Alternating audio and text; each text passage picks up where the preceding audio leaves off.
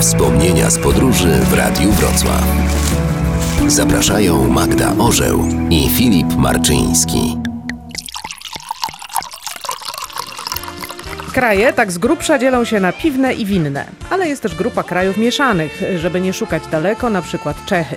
Myślimy Czechy, widzimy piwo, straše pivo, pivo, pivovary znov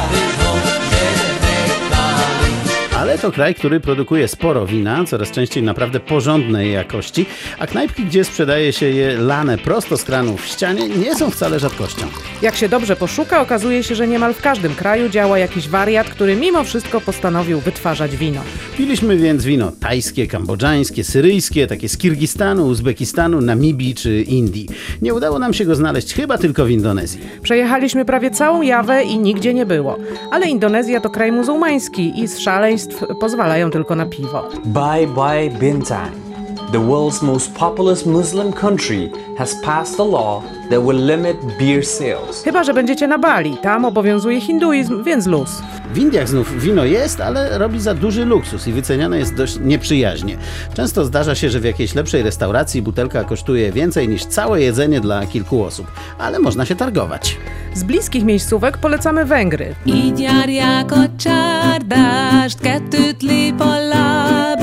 W Tokaju dosłownie za parę groszy można pójść do winiarza, rolnika i kupić pyszne muskotali. Prosto z beczki do butelki po wodzie mineralnej. Naprawdę niewiele od tej wody droższe. Widzieliśmy, jak pewien pan jechał traktorem przez miasteczko, zatrzymał się, zostawił włączony silnik, wpadł do baru, wypił szklankę białego duszkiem, po czym wskoczył do maszyny i odjechał do pracy. Z reguły w winiarskich krajach, jak wstąpi się do producenta, można trochę popróbować, pogadać i dobrze kupić. Często są chętni i chcą pokazać, co mają dobrego. Jak ktoś lubi Porto, to polecamy poznać je u źródła. Kiedyś właśnie w Porto odwiedzaliśmy kilku producentów i próbowaliśmy, co tam mają dobrego. U jednego z nich popróbowaliśmy win z tej podstawowej, niedrogiej linii i wyrwało mi się, że dobre, ale akurat u sąsiada wydawało się lepsze. Gospodarz spojrzał na Magdę z niechęcią i odszedł od stołu. Po chwili wrócił z kilkoma butelkami. Widzę, że przyniósł poważne rzeczy, drogie. Sąsiad ma lepsze, pyta? No to proszę. Poczęstował nas wtedy naprawdę dużymi rocznikowymi winami. Były doskonałe. I co, lepsze ma sąsiad? Pytam. Nie, twoje są lepsze. Naprawdę. Wtedy pierwszy raz szeroko się uśmiechnął.